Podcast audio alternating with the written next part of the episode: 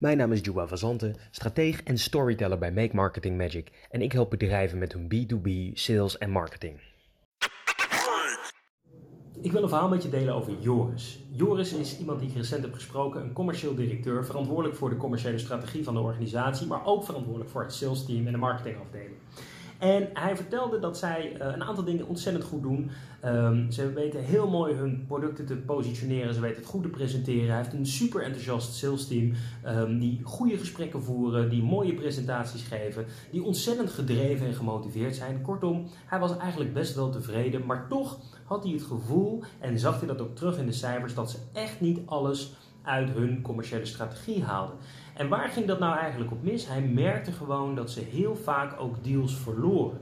En dan kregen ze van die opmerkingen uh, van de klanten van joh, jullie hadden echt een heel goed verhaal. Uh, daar lag het helemaal niet aan. Goed gedaan. Alleen we hebben uiteindelijk toch voor een andere oplossing gekozen. En als hij dan achteraf hoorde welke oplossing dat is, dan werd hij behoorlijk gefrustreerd. Want hij zegt, ik weet gewoon dat onze producten, onze diensten, zijn gewoon veel beter dan waar ze voor hebben gekozen. Waarom hebben ze niet voor ons gekozen? En om er nog een schepje bovenop te gooien, kwam hij op een gegeven moment met zijn eigen sales team ook nog eens een keer in meetings, in discussies terecht, waarin mensen zeiden, joh, misschien moeten we onze prijs uh, naar beneden brengen. Want uh, klanten die begrijpen gewoon niet waarom ze zoveel moeten betalen.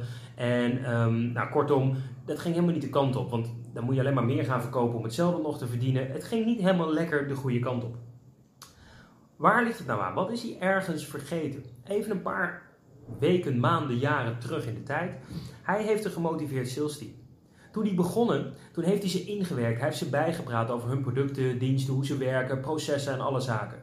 De marketingafdeling heeft daar mooie presentaties bij aangeleverd, heeft leads voor ze gegenereerd, heeft een mooie website, landingpagina's. Dus ze hebben hun producten, hun diensten fantastisch mooi gepositioneerd en ze zijn vol enthousiasme de markt ingegaan.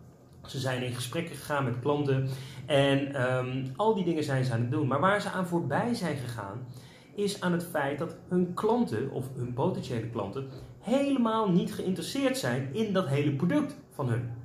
Ze zijn überhaupt niet geïnteresseerd in een product. Die klant die heeft gewoon een probleem en die zoekt daarvoor een oplossing.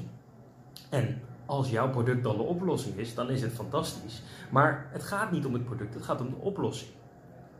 En wat hij zich in één keer realiseerde, we zaten zo met elkaar te praten. Hij zei van ja, ik moet natuurlijk eerst de oplossing gaan verkopen en daarna het product. Het is zo logisch als wat, maar ja, doe het maar eens. In de waan van de dag wil je nog wel eens hele logische dingen vergeten.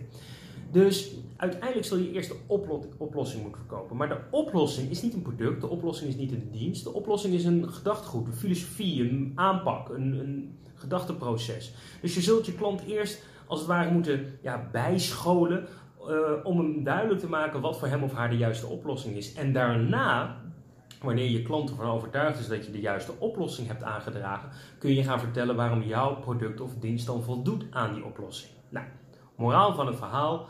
Um, Joris en zijn team zijn gestopt met hun producten verkopen en zijn begonnen met problemen oplossen.